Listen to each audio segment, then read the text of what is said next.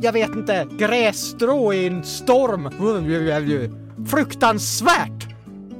Men sen när man väl kom tillbaks, ja, då känns det som att äntligen, äntligen är det slut på lidandet. Och det enda som den här vandringen gav mig, det var den fantastiska, underbara, ljuvliga känslan av när jag får komma tillbaks till husbilen och äta lösgodis. Det är sant, jag hittar inte på. Nej, nej, det var det. Var det.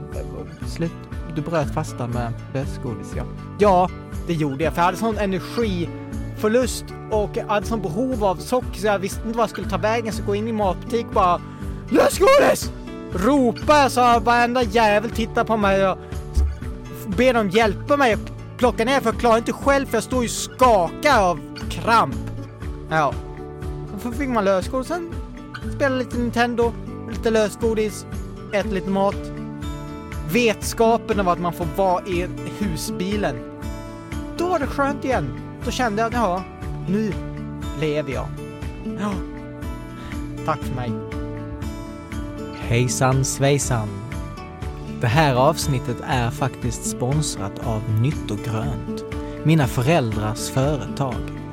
Ett familjeföretag där jag, syrran, lillebrorsan, storebrorsan, svågern och massa andra vänner från byn har jobbat på ett eller annat sätt.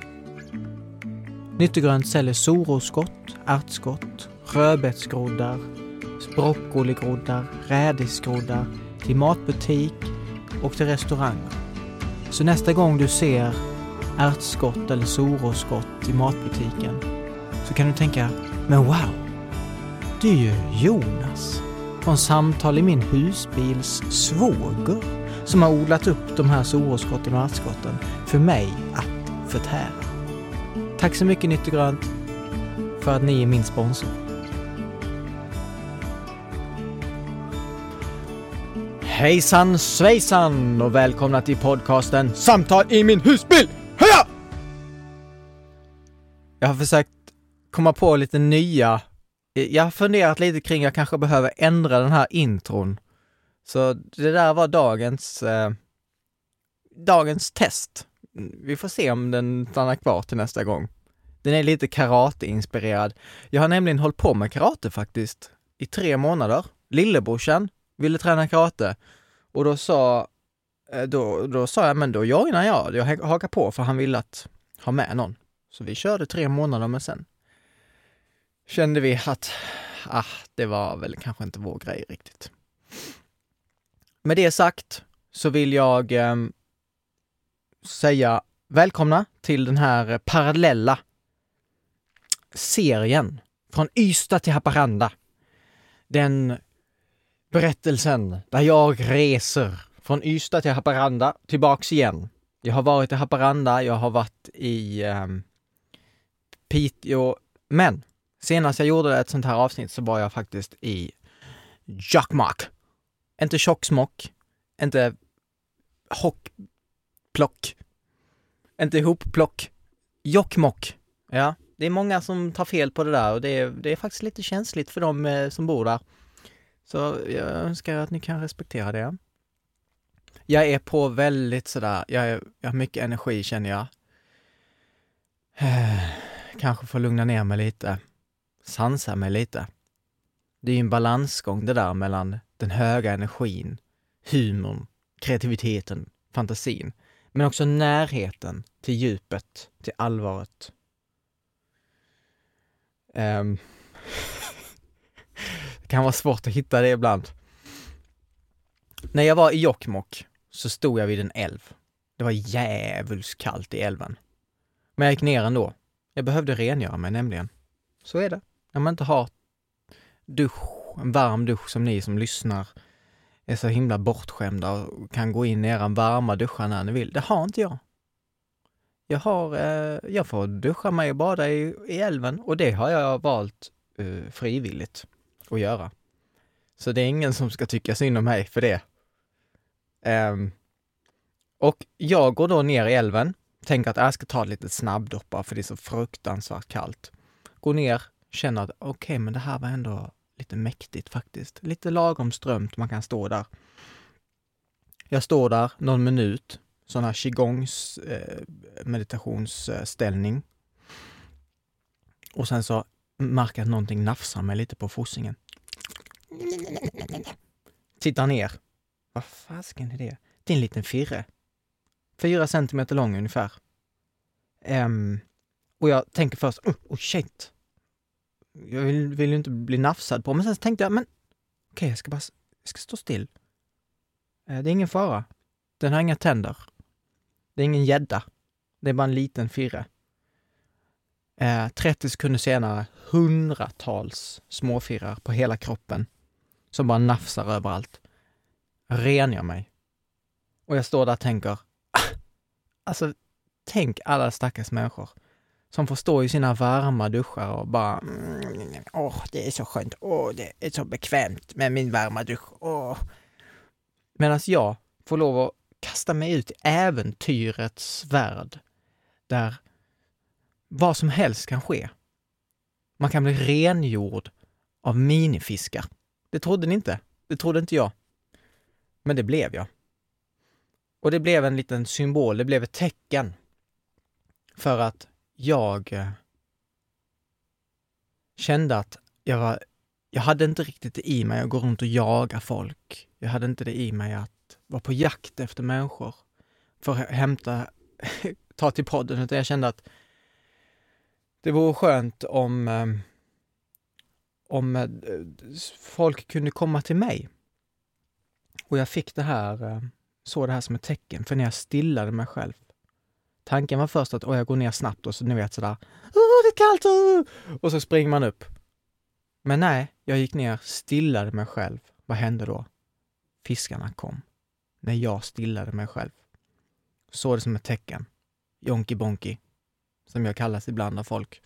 Om du stillar dig själv, då kommer allting komma till dig. Sök först Guds himmelrike och allting därefter skall komma. Vet inte vilken bibelvers det är. Vi, vi söker upp det först, snabbt. Eh, vi får söka den på engelska, för svenskan är ofta så himla uh, snedvriden. But seek first the kingdom of God and his righteousness, and all these things shall be added unto you. Allting därefter skall komma. Mm. Den är nice, en av mina favoritbibelverser. Eh, jag var ju som sagt i Jokkmokk. Jag fick fundera kring eh, men många, många av oss människor kanske kan känna att men, man kanske har någon vän som, eh, eller en familjemedlem eller barn eller förälder eller syskon som man känner att, men varför, de öppnar inte upp sig för mig. De, de, ehm, jag kommer inte riktigt eh, kontakt med dem. Och jag som, eh, vad ska jag säga, podcast-host som intervjuar människor um, vill ju också nå det här att människor öppnar upp sig och, och berättar om sig själva, um, visar sin sårbarhet. Och då så kan man tänka att om jag måste ställa rätt frågor, jag måste fråga, det, det hänger på mina frågor. Men jag fick bara en sån um, förståelse för att nej men, jag behöver inte ställa massa frågor, utan snarare om jag visar att jag öppnar upp mig, om jag delar, Genom mitt delande, genom att jag visar mig sårbar, så får jag en annan att visa sig sårbar.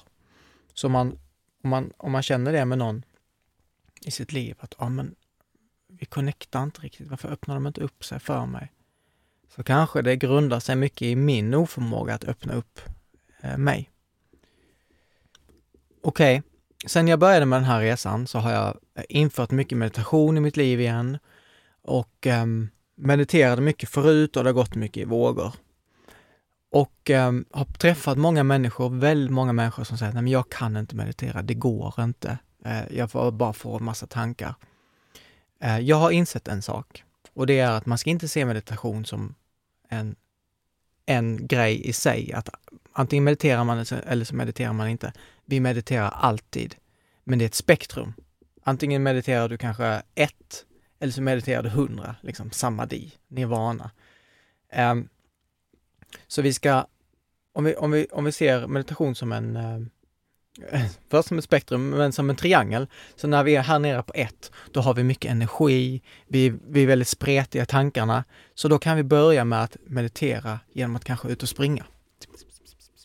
Sen, vi har fått ut mycket energi. Antingen springa, vi kanske dansar, dansar till musik. Um, efter det så har vi klättrat lite på den här meditationstriangeln eh, uh, eller stegen. Vi kan se det som en stege. Man klättrat upp på stegen lite. Okej, okay, vad gör vi då? Då kanske vi börjar, uh, vi kanske sjunger. Om, antingen om man håller på med andlig sång som uh, Mer av dig, Jesus, mer av dig. Eller um, Hare Krishna, Hare Krishna. Krishna, Krishna, Hare, Hare. Och då så klättrar vi lite ännu högre på den här meditationsstegen och vi når lite mer fokus, lite mer närvaro. Så meditation, det är det meditation handlar om, ser jag det som att vi, vi vill öka vår närvaro, vi vill bli mer närvarande, vi vill öka vår fokus. Så när eh, vi sen har gjort det ett litet tag, kanske 5-10 minuter, då så kan vi gå över till eh, breathwork. Så vi andas väldigt intensivt. Så då kan man göra så här.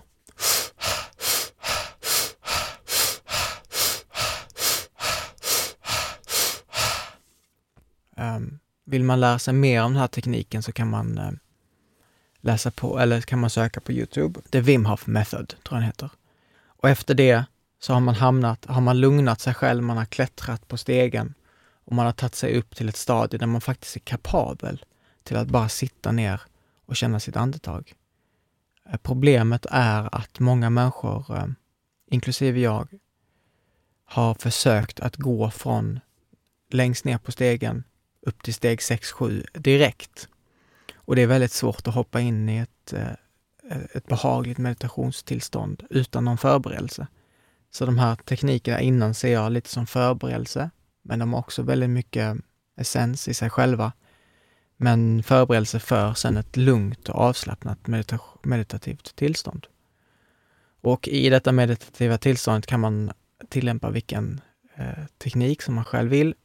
Jag brukar köra att jag eh, andas sju andetag. Eh, så för varje gång jag andas in så, så räknar jag. Ett, alltså tyst i mig själv.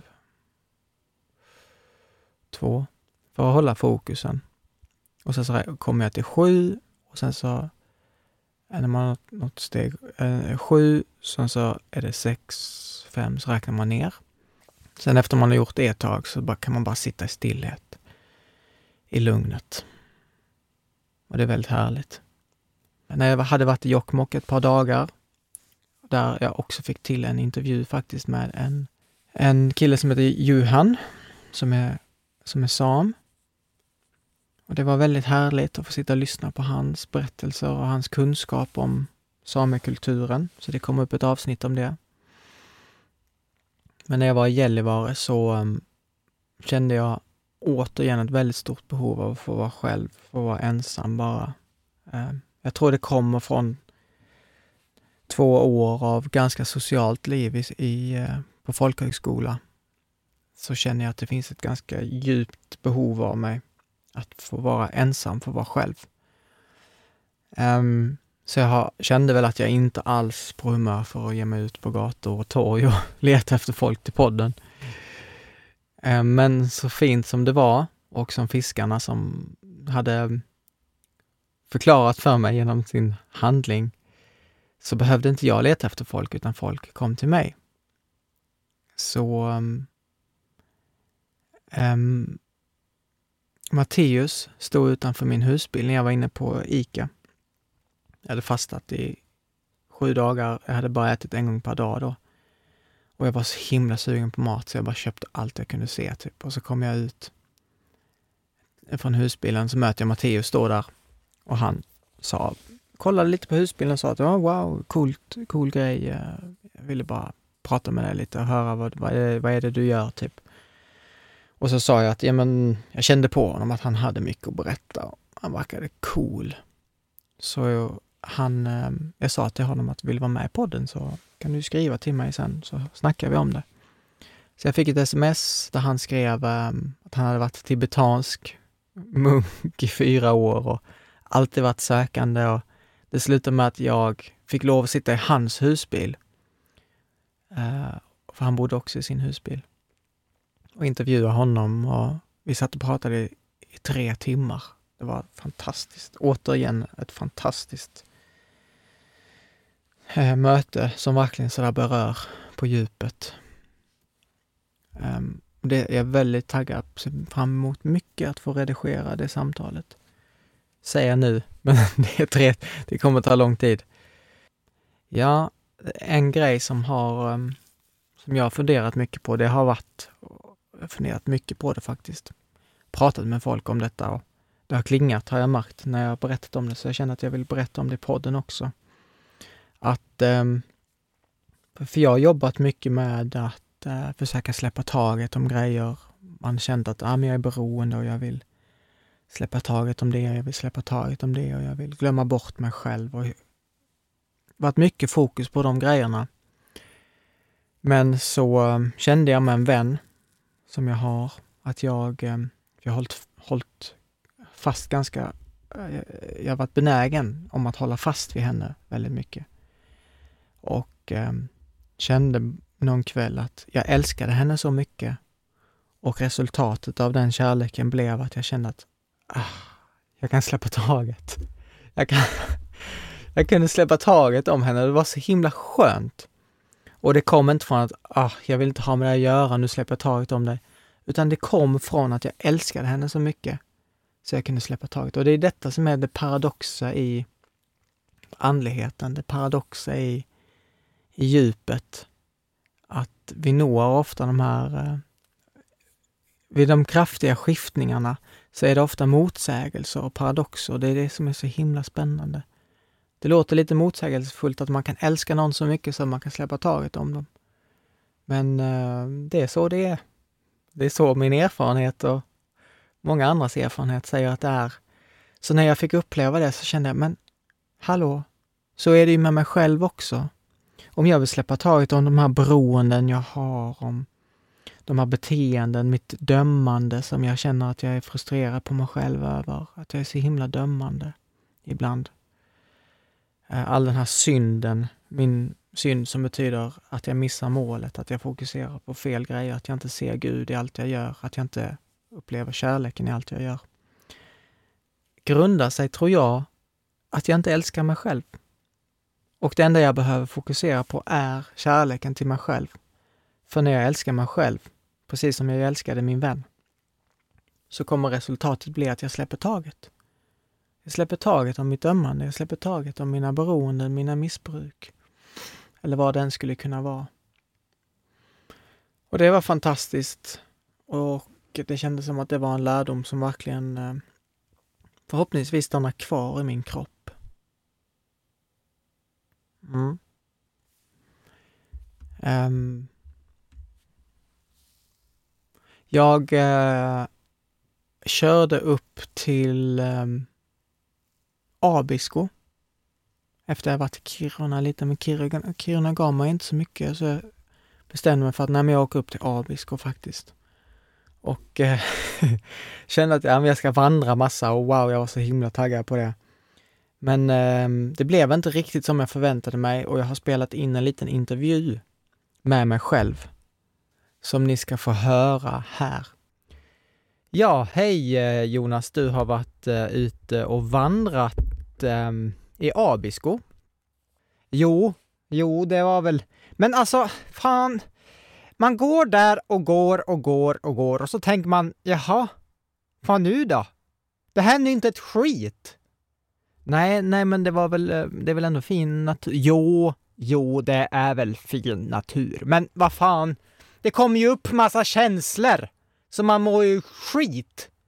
Så då spelar det väl ingen roll hur det ser ut på utsidan för man går där och är inne i sitt eländiga skit. Jaha, det var, det var så för dig ja. Ja, det var så för mig. Ja. Och så är det så jävla mycket mygg som man blir... Eh, det är som... Det är som att man är i en så himla storstad i Kina. Fast istället för människor så är det mygg överallt på en. Ja, så man det finns ju ingen ro överhuvudtaget. Och kollar man på en fint berg, ja, fint. Men då är det 15 mygg som suger blod som vampyrer. Jaha, ja. Ja, men du, man kan ju ha såna mm, myggspray och... Ja, jo, det kan man. Men trodde jag förberedde mig med sånt? Jag visste inte ens om vad jag, vad jag hade för tält. Jag hade köpt något himla skittält på second hand och någon sovsäck som var så kall som man kände som att det var någon installerat kylskåp inuti sovsäcken. Fan! Jaha, var det kallt? När du... Ja, när jag skulle sova. Det tror man att det är mitt i sommaren och man tänker att ah, det ska vara varmt och skönt. Nej, då är, då är det väl två, tre, fyra, fem, jag vet inte hur många grader, men det var iskallt. Så man ligger och fryser hela natten så man kan inte sova en stund. Nej. Nej, du sover ingenting. Nej. Inte förrän solen börjar lägga på tre på morgonen och då börjar solen lysa på tältet. Då, då blir det varmt, men det blir så fruktansvärt varmt så man får ju mardrömsliknande tillstånd, febertillstånd känns det som, att man ligger och yrar så det är helt sjukt! Jaha. Det var, det var ju verkligen båda motpoler där. Ja, det var motpol. Det var extremt fruktansvärt. Så jag kastade mig upp och bara, ja, ut då. Sen, ja, vad möts man då? Man möts ju av, ja, en svärm, en flodvåg, tsunami av mygg. Så det är hundratals direkt på en som har legat och väntat på en som vargar som väntar på en himla kanin som ska hoppa ut från ett kaninhål och bara uff, biter ihjäl en. Så man får ju klä sig, man får ju snurra runt plastfolie nästan om man har haft det så har man ju täckt i, bara täckt överallt men gick ju inte. Nej, så man får packa ner snabbt, stampa och där steppdansa samtidigt som man håller på att packa ner så man inte ska bli, få blod för brist. Man blir orolig. Jag behöver ringa ambulans nu för jag har förlorat flera liter blod. Ja. Jaha, ja. Ja. Och sen eh, så går du... Ja, jag går vidare. Jag måste ju komma hem ju. Jaha, då är det ett berg på 1200 meter som man ska bestiga för att komma hem. Ja, men det var väl det som var men meningen. Ja, det var väl det, men inte visste jag fan att det skulle vara var så fruktansvärt jobbigt som man får ju ont så det känns ju som att man har typ något biter en i vaderna så, som en himla, jag vet inte vad, rävsax som bind, som klistras fast på vaden, gör så fruktansvärt ont! Och man, det är jobbigt och man flåsar och man och man tänker, vad är meningen med det här? Ja, det är väl en upplevelse kanske, tänker många, många äldre som gör det också som, som inte tycker det verkar vara så jobbigt. Ja, men nu är det som så, jag har inte tränat på, på månader. Ska man ge sig ut sådär och, och vandra fyra mil plus ett bergbestigning på det på två dygn? Det blir man ju, det är ju, det klarar man väl inte av? Nej, nej, man kanske skulle tänkt på att förbereda sig lite. Jo, det kunde man men tänker jag på det? Nej. Utan jag har så bra självförtroende så jag tänker att ja, men det klarar jag ju hur lätt som helst. Man tittar på andra gubb, gubb och tanter och, som klarar, tänker man ja, ung pojkspol med energi i kroppen ska vi klara av. Ska man fasta också får man för sig. Ja, nej, men man, det ska vara så jävligt så att man, så att man inte tänker på något annat än att längta bort till någon andligt patrask som man har fått för sig att man ska längta tills man inbillar sig. Jaha. Du fastade också? Ja, jag fastade. Jag bestämde mig för att jag ska bara äta en gång. Bara en gång. För att, ja, det, jag vet, jag, jag kan inte ens tänka mig till varför jag får för mig en sån idiotisk idé. Men det, innan var det väl något, jag hade väl någon bra eh, orsak till men när jag väl gick där så tänkte jag vad fan vad jag önskar jag fick äta chokladboll och chips och allt! Ja. Så när man går 12 timmars konstant vandring sista dagen, jag stannade kanske två, tre gånger och bara gick bara tunnelseende. Jag tänkte bara, jag vet inte, jag ser någon står där och tittar, åh vilket häftigt berg. Håll käften säger jag, putta ner dem i sjön. Jag skiter i bergen! Jag vill hem till husbilen, jag vill lägga mig ner, jag vill spela Nintendo Switch och bara känna att det finns en mening med livet! Vad är det här för skit? Tänkte jag. Jaha, det var så. För jävligt alltså. Det var, det var så jobb... Ja, och så blev man ju skitnödig också. Jaha. Ja, och så är man i ett himla naturreservat så får man ju... Förbjud för att skita i skogen! Vem är det som har bestämt det? Ja, det är väl staten! Skitstat! Alltså man får ju gå, inte bara man går tunnelseende, går allt, man kan alltså gå konstant knipa ihop skinkan så man inte skiter ner sig på vägen också. Ja, för, för, nej, man kanske skulle tänka, man, man kan sätta sig här skit... Nej, jag har ingen toapapper. Iskallt älven och det är ju dricksvatten som man vill... Eh, oh, käften på dig! Så man vill ju inte rengöra sig själv i något dricks... För folk, människor som ska dricka vatten, det är ju man själv! Jag själv dricker ju vatten från älven. Det vill jag inte... Ja, så jag fick ju knip igen så att man skak i benen så jag visste inte, är det för jag gått så långt eller är det för jag håller på att skit på mig? Så skak i benen som jag var någon, någon, jag vet inte, grässtrå i en storm. Fruktansvärt! Men sen när man väl kom tillbaks, ja, då känns det som att äntligen, äntligen är det slut på lidandet. Och det enda som den här vandringen gav mig, det var den fantastiska, underbara, ljuvliga känslan av när jag får komma tillbaks till husbilen och äta lösgodis. Det är sant, jag hittar inte på. Nej, nej, det var det. Var det. Slut. Du bröt fastan med lösgodis, ja. Ja, det gjorde jag, för jag hade sån energiförlust och jag hade sån behov av socker så jag visste inte vad jag skulle ta vägen, så gå in i matbutik och bara lösgodis!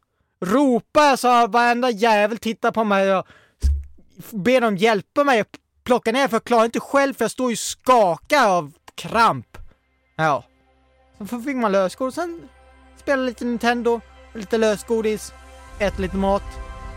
Vetskapen av att man får vara i husbilen. Då var det skönt igen. Då kände jag att ja, nu lever jag. Ja. Tack för mig.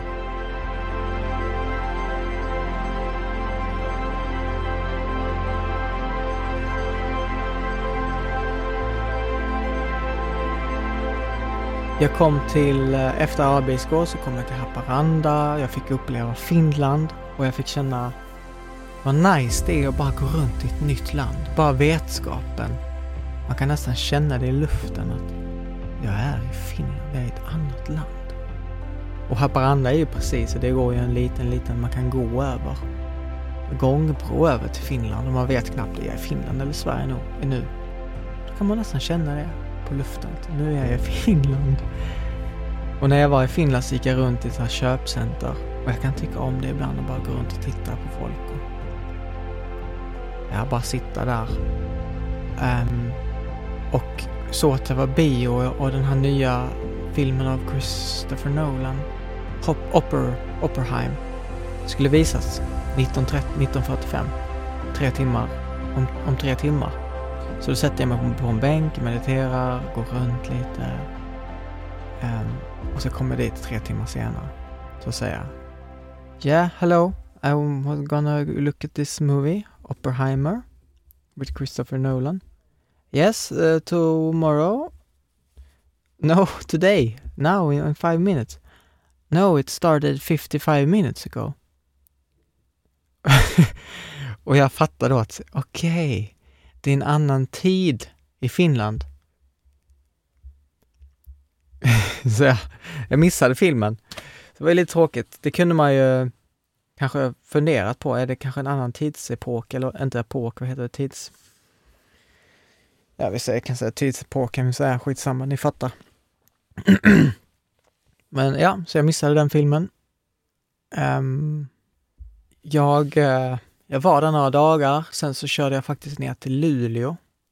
Och jag, um, som sagt, jag blev mer och mer intresserad av de här gömda symboliska budskapen. Väldigt, väldigt symboliska budskap i Bibeln. Jag vill inte riktigt prata om det nu för det känns som att jag inte riktigt eh, besitter kunskap för att kanske riktigt berätta vidare, men när man börjar söka på sådana här grejer så blir det lätt att det också eh, det går lite hand i hand med konspirationsteorier.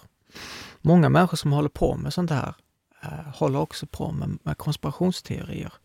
Så där sitter jag i min husbil och har köpt den här eh, mm, internetboken för 200 spänn och sitter och läser någonting om de här gömda budskapen i Bibeln. Och sen så märker jag att, men den här mannen, vänta lite nu. Han pratar ju om att eh, han pratar ju om att jorden är platt. Ja, han pratar om att jorden är platt här nu. Och det är inget fel med det. Alltså jag, jag är den som tycker man ska vara öppen för allt. Alltså att jorden, att vi kom på att jorden var rund, det är ju det perfekta exemplet för att vi måste vara öppna för att eh, jorden faktiskt kanske till och med skulle kunna vara platt. Alltså den, eh, det argumentet som folk säger ibland, ja men hallå, det var en gång tid, en tid som vi trodde att jorden var platt eh, och sen visade sig att jorden var rund. Samma öppenhet tycker jag vi bör, bör ha inför, men hallå, eh, jorden kanske är platt, Fatt, om ni fattar. Men, men, men jag märkte att shit, snubblade in på konspirationsteorier och den här mannen pratade om att, eh, ja, men, att antisemitismen kom ju också in här, att, att det är judarna som, jag kommer inte riktigt ihåg, men att judarna typ dyrkade Satan lite indirekt. Och det var de som låg bakom allt hemskt. Och, alltså jag märkte att vad, vad farligt det där är för man kan, man kan hitta någon människa och man får mycket förtroende och man känner wow vilken kunskap den här människan besitter. Och så bara leds man in liksom till, till de här tankarna om att man att, att judarna skulle ha tagit över och, och um, göra massa hemska grejer. Jag märkte att jag blev alldeles mörk, jag blev ledsen, jag mådde dåligt och jag kände att nej, det är verkligen inte detta jag vill fokusera på. Jag vill inte för jag hade en tid där jag var väldigt uppslukad av konspirationsteorier och väldigt samhällskritisk. Och det är jag fortfarande, samhällskritisk, men jag lägger inte min energi på det längre. Och det var ganska skönt att få känna att nej, det är inte detta jag vill lägga min energi på. Jag vill lägga energin på sök Guds himmelrike.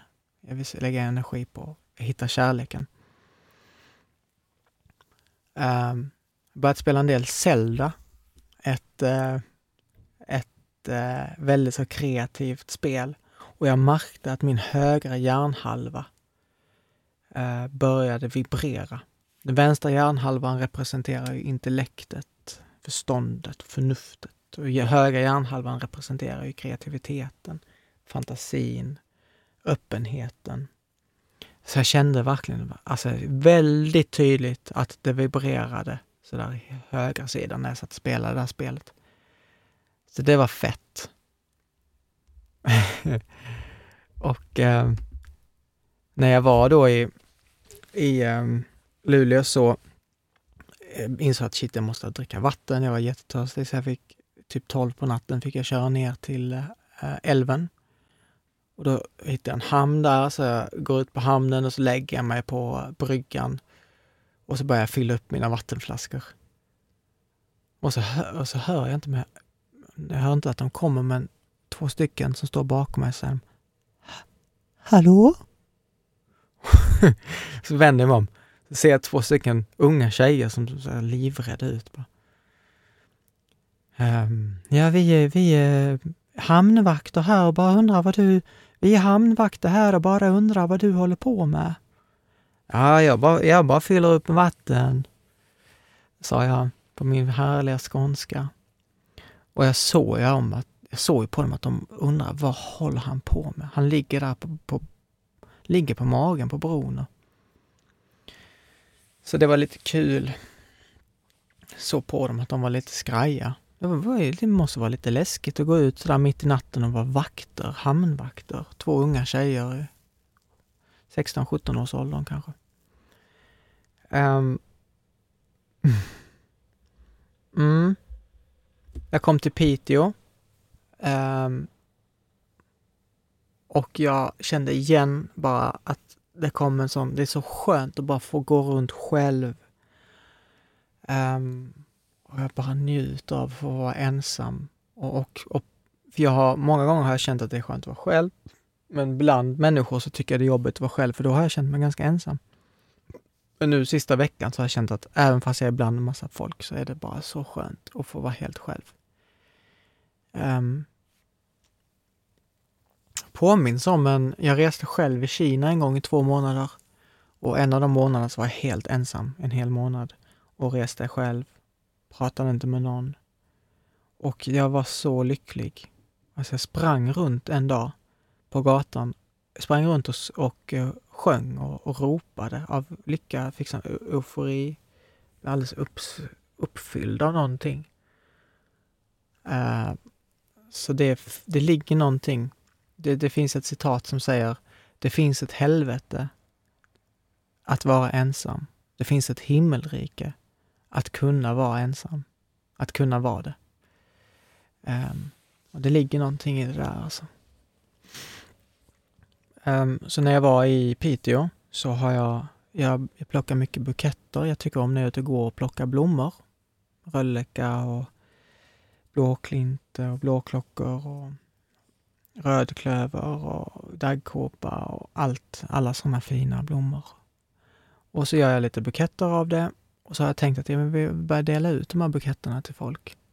Så jag stod i, ehm, på Coop, matbutiken, ehm, och eh, stod där i ett, ehm, hallen, entréhallen, förhallen och kände att jag blev lite rädd. Jag, ska, nu, jag kände att okej, okay, nu ska jag göra det. Jag ska ge den här blombuketten till kvinnan i kassan. Inte för att jag var, ville flörta eller vara förtjust eller så, utan bara för att jag ville sprida vidare kärleken. Göra en, en, en act of love.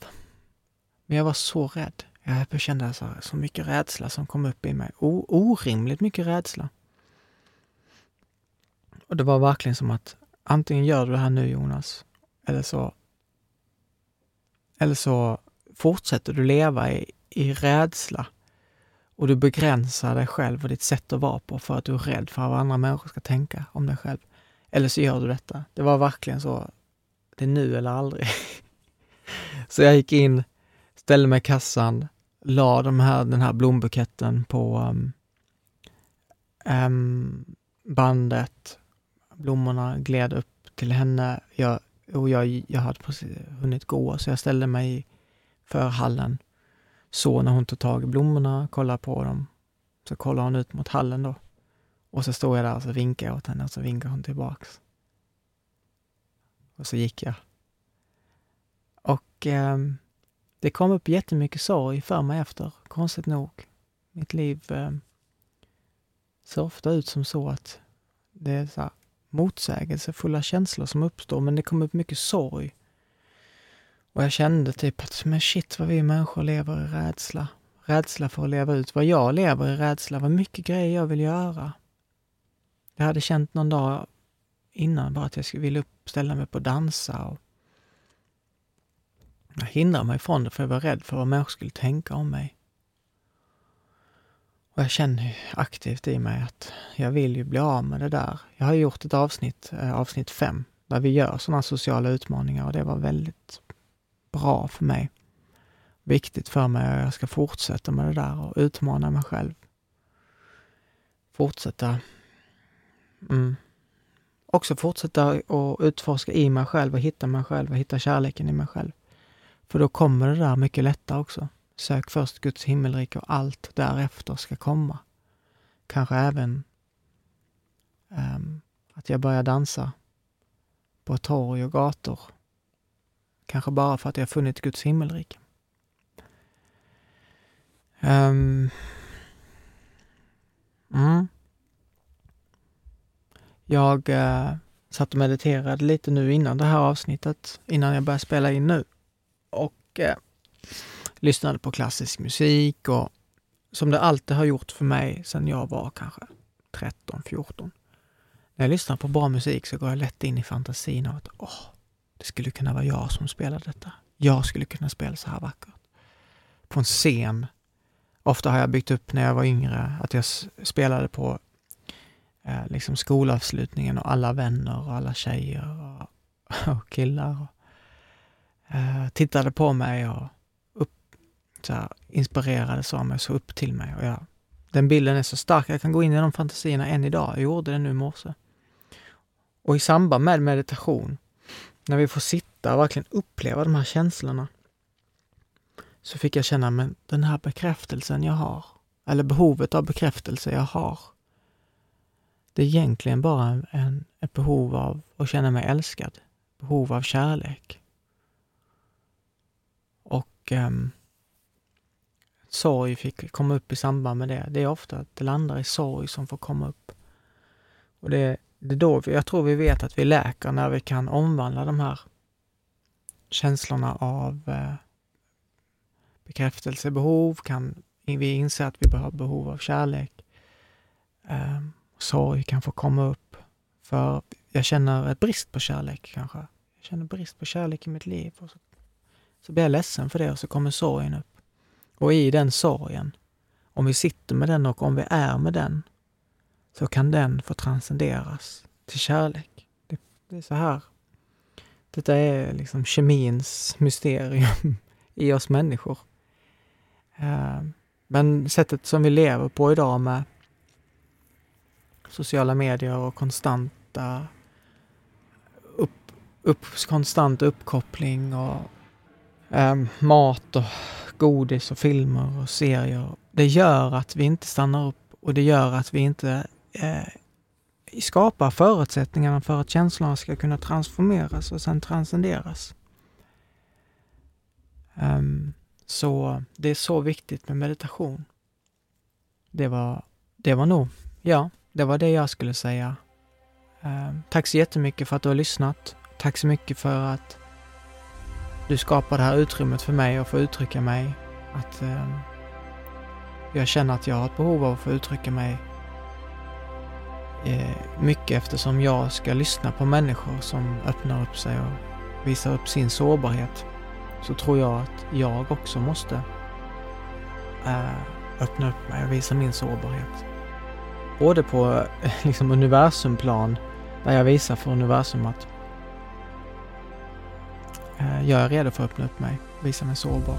Och jag tror jag behöver vara det ifall jag ska ta emot andra människors sårbarhet. Mm. Så tack så jättemycket för att du lyssnar. Tack så mycket för att du skapar det här utrymmet för mig. Om du gillar det jag gör så får du jättegärna sprida vidare. Det är jag väldigt tacksam för. Det behövs ifall jag ska kunna nå ut till fler människor så hänger det på att du som lyssnar, om du tycker om det, sprider vidare. Tack så mycket. Hej då.